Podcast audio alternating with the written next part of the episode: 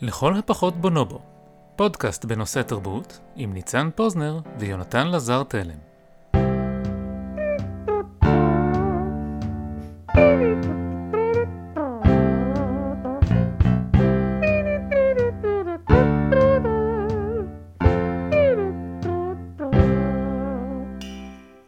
מה העניינים ניצן?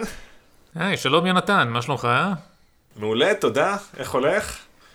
אה, פה כרגיל, ציפור קטנה לחשה לי, למעשה אה, אוסף של ציפורים שבטוויטר לחשו לי שיש אצלכם בארץ בחירות. כן, כן, אה, זה ממש מעבר לפינה, אה, בעוד אה, שבועות אחדים, ורציתי לשאול, תגיד פוזנר, אה, אתה הולך להצביע? אני מנוע מלהצביע, כי מדינת ישראל לא מאפשרת לאזרחיה שנמצאים מחוץ לגבולות המדינה לשלשל, אלא אם כן הם עובדים. במוסדות של המדינה בחו"ל ואני לא. אהה. ומה, אתה לא תגיע לארץ במיוחד כדי להצביע? אני לא אגיע במיוחד. למה לא? הוא, אה, זה, זה, נורא, זה נורא יקר, צריך לטוס כל הדרך. זה... אה, יש אנשים שעושים את זה, למה, כאילו, חשבת פעם למה הם תראה, עושים את זה? אוקיי, אם הייתי בארץ כנראה שהייתי מצביע, וזה על אף שבשני מערכות הבחירות האחרונות אני מטיף אי הצבעה מטעמים של אדישות, אה, והרגשה שזה חסר תוחלת. בבחירות האחרונות, אני הצבעתי בכל מערכות הבחירות שהייתה לי אפשרות להצביע בהן, בבחירות האחרונות כאילו אמרתי אני לא הולך להצביע, אבל היה לי טריק, כי באותה תקופה אני ואשתי, שתחיה כפי שיאיר לפיד נוהג לומר, אבל באמת שתחיה, אה, אז גרנו במדינות נפרדות, היא הייתה בארצות הברית ואני הייתי בארץ הקודש, ואז כאילו אני אמרתי, אני לא מצביע, אבל אשתי ביקשה שאני של... אצביע את הקול שלה במקום, אז כאילו הלכתי להצביע במקומה, וזה היה כזה ללכת עם ולהרגיש בלי. אבל באמת כאילו העמדה שלי הייתה לא צריך להצביע בשביל מה. ולא בקטע של תל אביבים גרועים כאלה של זה, אלא מתוך עמדה עקרונית שאומרת, בשביל מה. תשמע, אני, אני לא רוצה ללכלך, כן, אבל uh, אתה יודע, עוד מעט uh, מגיע חג הפסח, וכולנו נקרא בהגדה, וחלק מה, מההגדה יש את השלב שבו אומרים את מה שהרשע אומר. מה העבודה הזאת לכם? לכם ולא לא. במה אתה מאשים אותי, אדוני? אני, תראה, יש לי, אני אוהב דמוקרטיות, בכיף, סבבה, רק אם אפשר, כי העמדה העקרונית שהוביל אותי למקום הזה הייתה שהמערכת הפוליטית בארץ ובכל הדמוקרטיות המשמעותיות בעולם היא כל כך רקובה באופן שבו היא פועלת, שזה לא כל כך אכפת לי אם מי שהולך לדפוק אותי כפרט זה ראש מפלגת הימין הגדולה, או ראש מפלגת השמאל הגדולה, או ראש מפלגת מרכז גדולה, כאילו זה לא כזה חשוב, בסופו של דבר הם כולם משרתים את, אה, את אותם אדונים. אז אני אגיד לך את זה ככה, ואני עומד לנסות לשכנע אותך ואת המאזינים בדקות הקרובות. אני חושב שהבנת את זה לגמרי לא נכון. זאת אומרת, כן, כל הדברים שאמרת, אני מסכים איתם, אבל זה לא משנה. יש סיבות מספיק טובות להצביע, שהן לא קשורות בשום צורה לשאלה מה התועלת של ההצבעה שלך מבחינת ההשפעה על המציאות. אה, באיזשהו מובן, הבחירות זה הטקס הכי חשוב שקיים בדמוקרטיה. בעצם, אתה יודע, זה, זה מעלה את השאלה, למה בכלל יש דמוקרטיה, כן? אז לעניות דעתי, הסיבה הכי חשובה היא ש, שהדמוקרטיה מציעה לנו אה, איזושהי דרך לקיים איזשהו סדר חברתי בהסכמה, כן? זה פעם ראשונה כנראה בתולדות האנושות, שאנשים מסוגלים אה, לחיות אחד עם השני בלי להרוג אחד את השני, במיוחד בלי אה, לתקוף אחד את השני על רקע ההבדלים התרבותיים, החברתיים, הכלכליים, הערכיים וכדומה, בעצם על רקע פוליטי. כשאתה מסתובב ברחוב אתה יכול להרגיש די בטוח שעל רקע פוליטי אף אחד שהוא אזרח אותה מדינה כמוך לא, לא ידקור אותך, כן? אולי יתקפו אותך על רקע פלילי, אולי יתקפו אותך על רקע לאומני, אנשים שהם לא מזדהים עם ה... לפחות אצלי, כן, זה יכול לקרות בישראל. אבל uh, ישראלי אחר כנראה uh, ירגיש שהוא, גם אם אתה לא בא לו טוב בפרצוף, הוא לא צריך להרוג אותך, כי הוא יכול להצביע לאיזשהו צ'מפיון כזה שלו, לא יודע, למפלגה, לאנשים שירוצו לכנסת ויריבו אחד, יריבו עם הנציגים שלך בשבילו. אני לא, אני לא, כן. אני לא רוצה לפנצ'ר לך את הבלון, אבל אני לא מסכים. אני לא מסכים בשני אופנים. דבר ראשון, אני לא מסכים שתהליך ההיסטורי שהוביל אותנו ל- להיווצרותה של הדמוקרטיה, הוא לא היה טלאולוגי, זאת אומרת, לא היה תהליך של התפתחות, טלאולוגי זה שמשהו שואף אל איזושהי תכלית.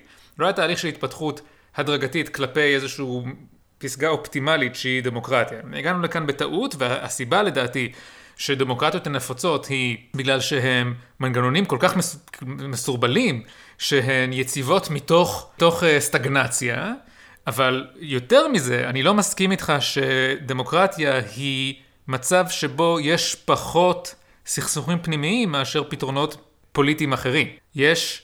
Uh, יש איזושהי קונבנציה שאנחנו הרי חיים בדמוקרטיה, ואנחנו מכירים את דמוקרטיה מתוך היתרונות שלה, אבל אנחנו, אילו היינו חיים למשל בממלכה שיש בה מלך, אני מתאר לעצמי שהיינו מזדהים עם היתרונות של השיטה הזאת, כפי ש...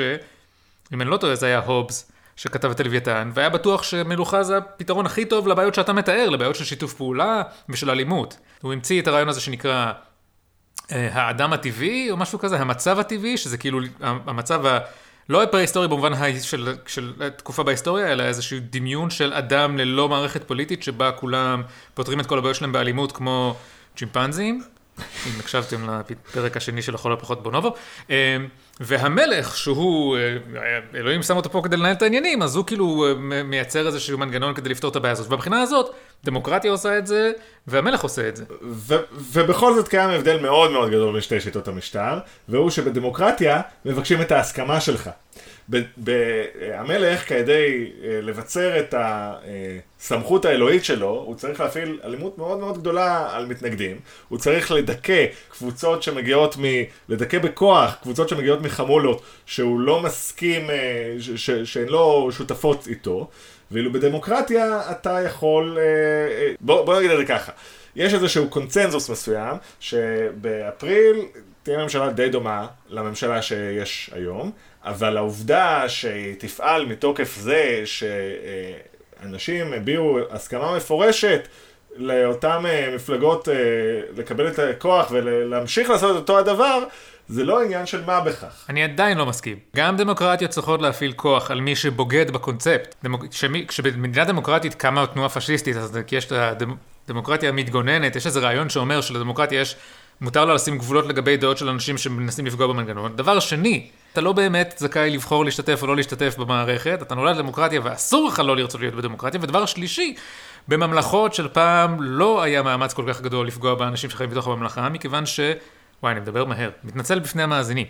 מכיוון שכפי שאנחנו מאמינים שדמוקרטיה היא פתרון טוב, ואנחנו מסורים לדמוקרטיה, אנחנו קנינו את המיתוס, כך גם אנש... הובס באמת האמין שהמלך הוא הפתרון האולטימטיבי לבעיה שלו. וכל מערכת פוליטית מהסוג הזה, אתה חייב שהאנשים שנמצאים בה יאמינו בערכים שלה. זה לא הדיון שאנחנו רוצים לנהל, אז אני לא רוצה להתעכב על זה עוד, אבל אני חושב שזה כן ישרת אותך בקרוב, כשאני אומר שהמיתוס של הדמוקרטיה, שכולנו מאמינים בו, גם אם הוא בר החלפה בכל מיתוס אחר, אז כשיש לך מלך, יש טקס שמאשר את החשיבות של המלך, שזה אני יודע, חוגגים לו יום הולדת ומנשקים לו את הטבעת, ובדמוקרטיה צריך להיות איזשהו טקס שמהדהד את הערכים של הדמוקרטיה, כדי שאנשים ימשיכו לקבל על עצמם את האמונה המלאה שזה טוב להם. תראה, אני גם, בוא, בוא נשאר חלוקים לגבי, לגבי הנושאים הקודמים, אני כמובן לא מפקפק בידיעות ההיסטוריות שלך, אני פשוט חושב שהפרשנות שלך היא, אמ, או, אה, לא יודע אם שומעים, תוך כדי שדיברתי היה נפץ של פורים פה ברחוב, את זה אין לכם שם בניו יורק, נכון? אני אגיד את זה ככה, אמ, אני חושב ש... אוקיי, נכון, נקלעתי לחברה דמוקרטית, ויכול להיות שאילו הייתי נקלע לחברה מלוכנית, אני הייתי מאמין בערכי המלוכה באותה מידה, ואתה יודע מה, אני אפילו נסוג לחלוטין מטיעונים uh, תכליתיים, כאילו, הדמוקרטיה הומצאה על מנת לפתור איזה בעיה ולא התפתחה באופן מקרי, כמוני וכמוך פוזנר, אגב. גם אנחנו התפתחנו באופן מקרי, אבל אני אגיד את זה ככה, תראה, אני עובד בחברת הייטק ירושלמית, ובחברת הייטק הירושלמית הזאת משתתפים אנשים אה, מכל מיני מגזרים בחברה, ואחד מהעמיתים שאני הכי אוהב הוא חרדי. וכל שנה בפורים מתקיים אצלנו במחלקה משחק אה, גמד וענק, שגם בפודקאסט יצא לנו לדבר על זה קצת, בעבר, ובמסגרת אה, המשחק הזה, אה, אני זוכר שהוא מאוד קיטר על המשחק הזה, ובכל זאת הסכים להשתתף בו. ושאלתי אותו, למה, מה הקטע? אז הוא אמר, תראה, אני מגיע מחברה שבה יש איזשהו עיקרון שאומר שאתה לא מוציא את עצמך מהקהילה שלך. הקהילה שלך יש לה נורמות מסוימות, אתה צריך סיבה מאוד מאוד טובה אה, לא להשתתף, וכאילו לא בא לי להשתתף בגמד ענק, זה לא סיבה מספיק טובה. השנה המשחק הוא כבר היה בפורמט של אופט-אין, כלומר אתה היית צריך באופן יזום להסכים להשתתף בו, אז הוא ואני לא השתתפנו. טוב, תראה, כאילו, עזוב, אנחנו לא חייבים להסכים על אם דמוקרטיה זה פתרון יותר טוב או שווה ערך לכל פתרון אחר כדי למנוע אלימות וכזה. זה לא חשוב, כי שנינו גרים בדמוקרטיות, חיים בדמוקרטיות, אנחנו חייבים להשתתף בכללים של המשחק. אבל אתה ביקרת אותי, אתה אמרת לי, אני אמרתי שאני לא בטוח שצריך להצביע, אולי לא חייבים, ואתה אמרת לי שאני הרשע מהאגדה. אז תגיד לי אתה, זה חשוב להצביע? תלוי למה. זה משפיע? משפיע בוודאי זה לא. למעשה, אני הקדשתי אה, נתחים מאוד משמעותיים מהשנים האחרונות בלחשב אה, בצורה מאוד אה, קפדנית ודקדקנית, לסובב את הבעיה הזאת מכל הזוויות.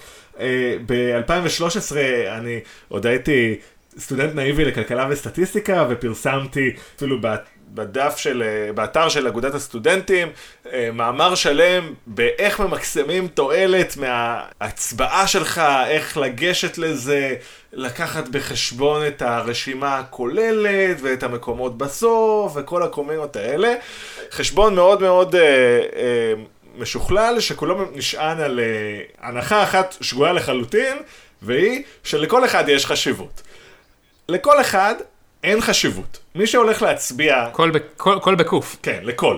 לכל בקוף אין חשיבות. מי שהולך להצביע על מנת אה, אה, להשפיע, מבזבז את הזמן שלו, עדיף לו לעשות דברים יותר טובים עם, ה, עם היום הזה, כן? ו- ואני אומר את זה בתור מישהו שחושב שלהצביע זה דבר רצוי, כן? אבל לא מהסיבה הזאת. אני אגיד יותר מזה, יש אנשים שניסו לחשב מה ההשפעה של קול מסוים, ו- וכן, מי שיחפש עכשיו בגוגל מה הסיכוי שהקול שלך ישפיע בבחירות, נמצא פוסט מאוד יפה של אה, יוסי לוי אה, מנסיכת המדעים בשנת 2013, שמנתח באמצעות סימולציות מאוד משוכללות מה היה קורה אם היית אה, מזיז קול מפה ומשם, איך זה היה משנה את התוצאות של הבחירות, ואפילו הגיע למסקנה שזה סיכוי די גבוה, כן? 600 ומה, 1 ל-600 ומשהו, אבל... אבל איזה שינוי זה, זה מייצר, כאילו. בדיוק, זה מעביר את המנדט בין שתי מפלגות שהן אה, אה, היו שותפות להסכם עודפים. זאת אומרת, יש לך, אנחנו יודעים, הקולות הם לא מתחלקים ל-120 באופן אה, נקי, כן? יש תמיד שבר מסוים, ומפלגות חתומות על הסכם כדי שהשבר הזה לא ילך לאיבוד, מה שנקרא, כלומר, יתפזר בין כל המפלגות האחרות. ובגדול, מה שקורה זה שהרבה מאוד פעמים אה, ההצבעה הזאת היא, היא משפיעה על המנדט האחרון, המנדט השולי, האם הוא ייכנס או לא ייכנס לאיזו משתי המפלגות הללו. עכשיו, אם אתם מצביעים למפלגה שלא נמצאת בהסכם עודפים, הסיכוי הוא אחד לכמה מאות אלפים. הסיכוי שהקול המסוים שלכם ישפיע. ובשביל זה אני חושב לא שווה לצאת מהבית. יותר מזה, נובע מהסיפור הזה בעצם אה, דילמה די אבסורדית, כי, כי אז נוצר מצב שמצביע רציונלי שרוצה למקסם אה, תועלת מההצבעה שלו, מה הוא צריך לעשות בעצם? הוא צריך לחפש את כל הסכמי העודפים, לראות את הסכם העודפים שהוא הכי משנה לו, ולהצביע למפלגה שהוא פחות שונא מביניהן. עכשיו, מה המשמעות של כל זה? כן, מה, מה יקרה אם כולם ינקטו בגישה הזאת? לא, תשמע, אני, זה שיקרה... סטטיסטיקה מורכבת מדי בשבילי. זה שאנשים שנאמר, תומכים במרץ, אבל מאוד חשוב להם, לא, אני לא יודע מי חתם עם מי, אבל לצורך הדיון בואו נדמיין שהבית היהודי והימין החדש אה, חתמו על, אה, סליחה, היום זה איחוד מפלגות הימין והימין החדש חתמו על הסכם עודפים והם מאוד מעדיפים אה, את הרשימה של בנט על פני הרשימה של... אז אם אתה רציונלי שרוצה למקסם תועלת, אז, אז אתה תצביע לימין החדש ולא למרץ. אתה אומר שלמעשה הצבעה רציונלית שהמטרה שלה היא לקחת את הקול שלי ולייצר איזושהי השפעה בקצה השני של הבחירות, אה, זה אשליה. וההשפעה שלי כמצביע היא מדומיינת. אז למה, אז מה כן חשוב בלהצביע? אני חושב שהצבעה זה סוג של... הדימוי הכי טוב שיש לי זה לשים פתק בכותל. זה סוג של טקס תפילה. יש לו את המשמעות הציבורית שלו ואת המשמעות הפרטית שלו. ושניהם, לדעתי, מתורגמים להשוואה הזאת בצורה מאוד טובה.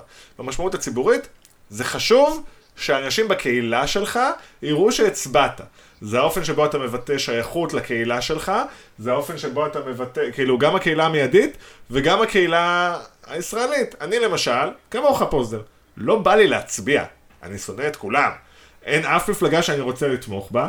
אם הייתי יכול, הייתי מצביע למפלגה שאני מסכים איתה, שלא עוברת את אחוז החסימה, כי כאמור, זה לא משנה אם היא עוברת את אחוז החסימה או לא, כי הקול שלי לא משפיע בכל מקרה. אבל אני לא יכול להצביע למפלגה שאני מסכים איתה, כי אין מפלגות כאלה, אז אני אאלץ להצביע למפלגה שאנשים כמוני מצביעים אליה, כי אני חלק מקהילה. והעובדה שאני הולך להצביע, ואנשים בקהילה שלי יודעים שהצבעתי, ואני אומר להם הצבעתי ואני לא משקר, כי, כי זה די טיפשי בעיניי לשקר לדבר כזה, כי אין לזה חשיבות, כן? זה משנה. אז יש את ההיבט החברתי, של ההשתייכות לכלל, אבל גם יש את ההיבט הפרטי. באיזשהו מובן, זה חוזר לרציונליות של ההצבעה, כן? הדבר הרציונלי ביותר לעשות אה, בקלפי, זה להצביע למפלגה שאתה הכי מסכים איתה. צריך לחשוב על זה כמו על תפילה, כמו על אה, פתק שאתה כותב על כותל, אלוהים, בכותל, אלוהים, בבקשה תביא לי אופניים, כן? אני רוצה אופניים. אני רוצה אה, לחיות במדינה שיותר אה, מת... הולמת את הסימבוליזם אה, של איזו מפלגה מסוימת. ואם כולם יעשו את זה, מה שיפה זה שבשונה מתפילה, זה כנראה ישפיע על התוצאה. אז אוקיי, אז בואו נעביר חוק שחייבים להצביע, ואז כולם יהיו משויכים למערכת, ו... ו- וכאילו לא יהיה נפלים, כמוני. אה, לא. זה, זה טוב בדיוק באותה מידה כמו, אתה יכול כבר באותה מידה להביא מלך בחזרה, כן? כל המשמעות של הטקס הזה, זה שהוא נעשה בהסכמה, אחרת הוא כבר לא חלק מהדת של הדמוקרטיה, הוא חלק מדת אחרת. אה, הבנתי. אה, השתתפות במערכת הבחירות זה אכילת החומוס זה טקס אכילת החומוס של הישראליות, רק בהקשר הפוליטי ולא החברתי שלו. תן לי לפתח תיאוריה. אני, מאזיננו יודעים שאני נאו-מרקסיסט בתחפושת לקפיטליסט. אה, נאו-מרקסיזם, אני לא רוצה להיכנס לעומק העניינים, אבל נאו-מרקסיזם זה איזושהי תיאוריה שמנסה להסביר מדוע מעולם לא פרצה המהפכה, על אף שאת הניצול של הפועלים והפרולטריון ורואי החשבון והרופאים לא פסק מעולם. אמ, והפתרונות שמצאו הוגי הנאו-מרקסיזם, בעיקר גרמשי ואדורנו והוקהיים ואחרים, זה של האליטה ששולטת בחברה, שפעם הם היו מלכים והיום הם פוליטיקאים למיניהם והבנים שלהם, ושושלות פוליטיקאים ושופטים וכאלה, היא מייצרת איזשהו מארג תרבותי של קולנוע וספרות וטקסים חברתיים אחרים, שמפרקים את השאיפות ה... המהפכניות של ההמונים. Uh, לצורך העניין, אתה הולך לסרט, אתה רואה את ג'ק ריצ'ר מפוצץ איזשהו בניין, אתה פורק את הצרכים שלך באלימות וזה, העולם של ג'ק ריצ'ר נגמר בסוף טוב, אתה יוצא החוצה ואתה מרגיש טוב. ואני טוען שהטקס של הבחירות הוא למעשה מאוד חשוב, לא בשביל לשמר, לא בשביל לקבל החלטות ספציפיות לגבי עתיד המדינה, כי כמו שאמרתי, אני לא חושב שיש משמעות נורא גדולה מי דופק את ההמונים, זו ההשקפה הנאו-מרקסיסטית שלי. אלא כדי לפרוק את הצרכים של ההמונים מפעולות פוליטיות יותר הרסניות, כמו הפגנות, מהפכות, רחמנא ליצלן. זאת אומרת, כמו שאתה אומר, אני מגיע אל הקלפי, זה לא כל כך משנה מה אני עושה בקלפי, אבל ההשתתפות שלי בטקס של הדמוקרטיה מאפשר לי, א', להרגיש שאני משפיע, זאת האשליה הכי גדולה של הבחירות, כן? זה גם למעשה, זה כאילו ה... הוואן ליינר של הבחירות, כן? תבוא ותשפיע. עכשיו, זה לא משנה אם אתה משפיע או לא, אם האשליה של ההשפעה היא שם, ואחר כך אני יוצא מהקלפי, וכמו שאמרת, אני לא צריך לא לדקור אף אחד ברחוב, אבל יותר חמור, יותר חשוב מזה, אני לא צריך להפגין ולריב, אני לא צריך להפריע. לראשי הממשלה והשרים, כן? air quotes הם בעצם המלך והשרים שלו, כן? אה, לא צריך להפריע להם יותר מדי, אולי לא שווה לחקור מה הם עושים, ואני, אה, אתה יודע, אני, עם כל הביקורת הנאו-מרקסיסט שלי, אני מעדיף לגור, ב- לחיות בדמוקרטיה, אבל אני חושב שהפונקציה העיקרית של הדמוקרטיה היא לא מה שמאפשר לאנשים להשפיע על הגורל שלהם באמת, אלא היא מאפשרת לאנשים לחיות בשלווה עם, ה, עם הכפייה הבלתי נמנעת בכל מערכת של שלטון. בכל מערכת של שלטון יש מיסים וניצול כזה או אחר, אז אפשר לחיות עם המערכת הזאת בשלווה, ולא צריך לפרוק את ה... זה מה, ש... זה מה שמייצר את המערכת הזאת ככל כך יציבה. תראה, אני לא יודע אם אתה מודע לזה, אבל בישראל יש בשנה וחצי האחרונה אה, איזושהי מגפה די קשה של אה, אה, חסימות כבישים. כל פעם קבוצה אחרת, מסיבות מוצדקות יותר או פחות, אתה יודע, כל אחד יכול לשפוט מה נחשב סיבה. שמצדיקה חסימת כבישים או לא, אבל בעיניי זה לא תופעה רצויה, כן?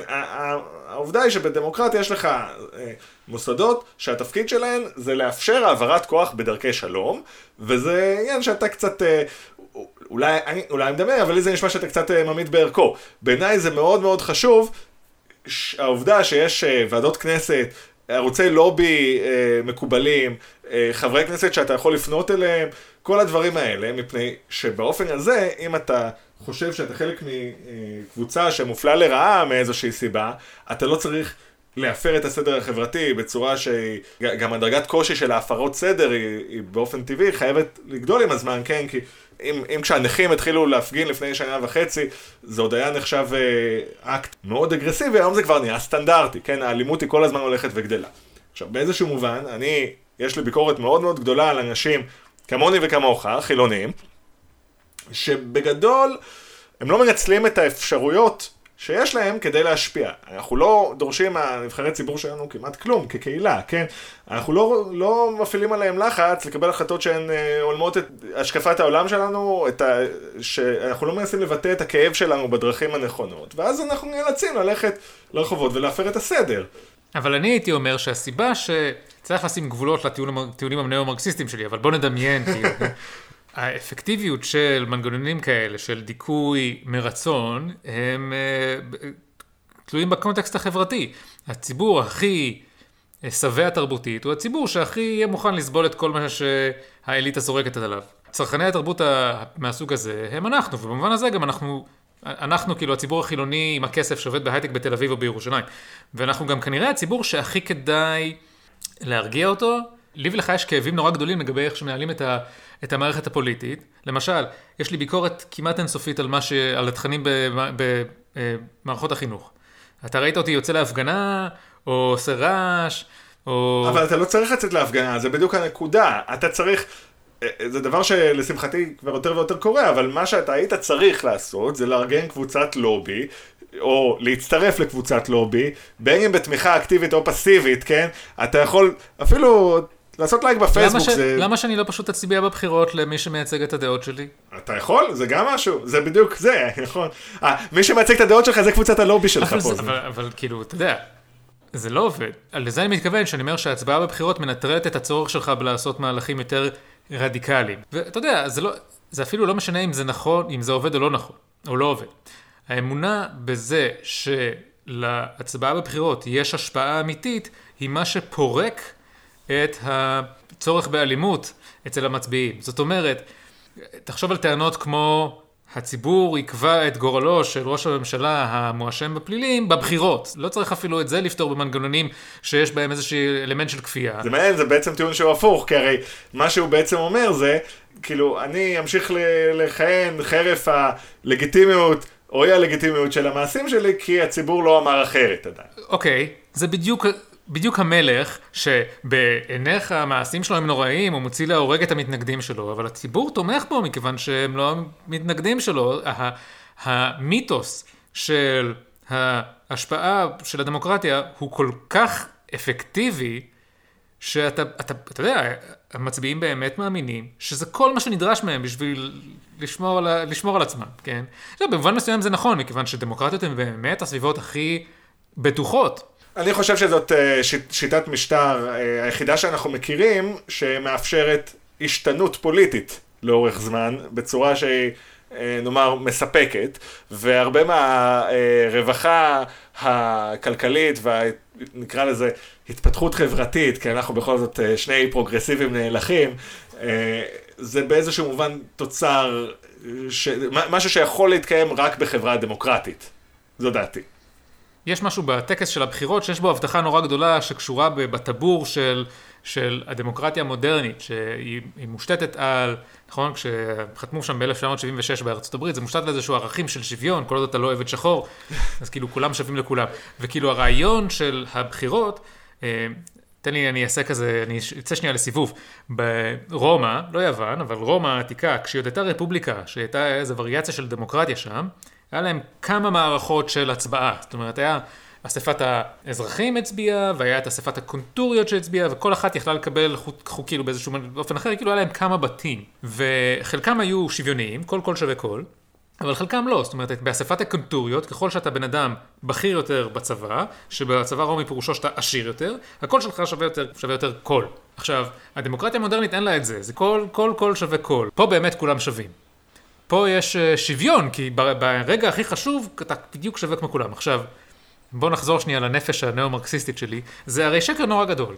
אנחנו לא שווים בשום דבר, אנחנו לא באותו גובה, אנחנו לא מרוויחים את אותו כסף, חלקנו יש לנו חיים קלים כאלה ואנחנו לומדים בתלמה ילין ואז מתגייסים ל-8200 ומקימים הייטק והכל הצליח לנו בחיים, לא כי אנחנו, לא כי לא מגיע לנו, אבל כאילו היה לנו את כל הפריבילגיות, כן? חילקו לנו את הקלפים הטובים, וחלקנו וואלה לא הסתדר, נולדתי פלסטיני, ו... או אתה יודע, פלסטיני ישראלי, ואתה יודע, אם יש לי מזל אני אגיע למשהו, אבל יהיה לי הרבה יותר קשה. והשוויון שאנחנו מדמיינים שיש לנו בבחירות זה מה שגורם לנו לסלוח על, על, על זה שבעצם אין שוויון. ואתה יודע, אני לפעמים שואל את עצמי את השאלה, השאלה הזאת. אם היו אומרים לי, ניצן, אנחנו לוקחים לך את הכל בבחירות, אסור לך להצביע, ובתמורה אתה רק מקבל כאילו מלא מלא מלא מלא כסף.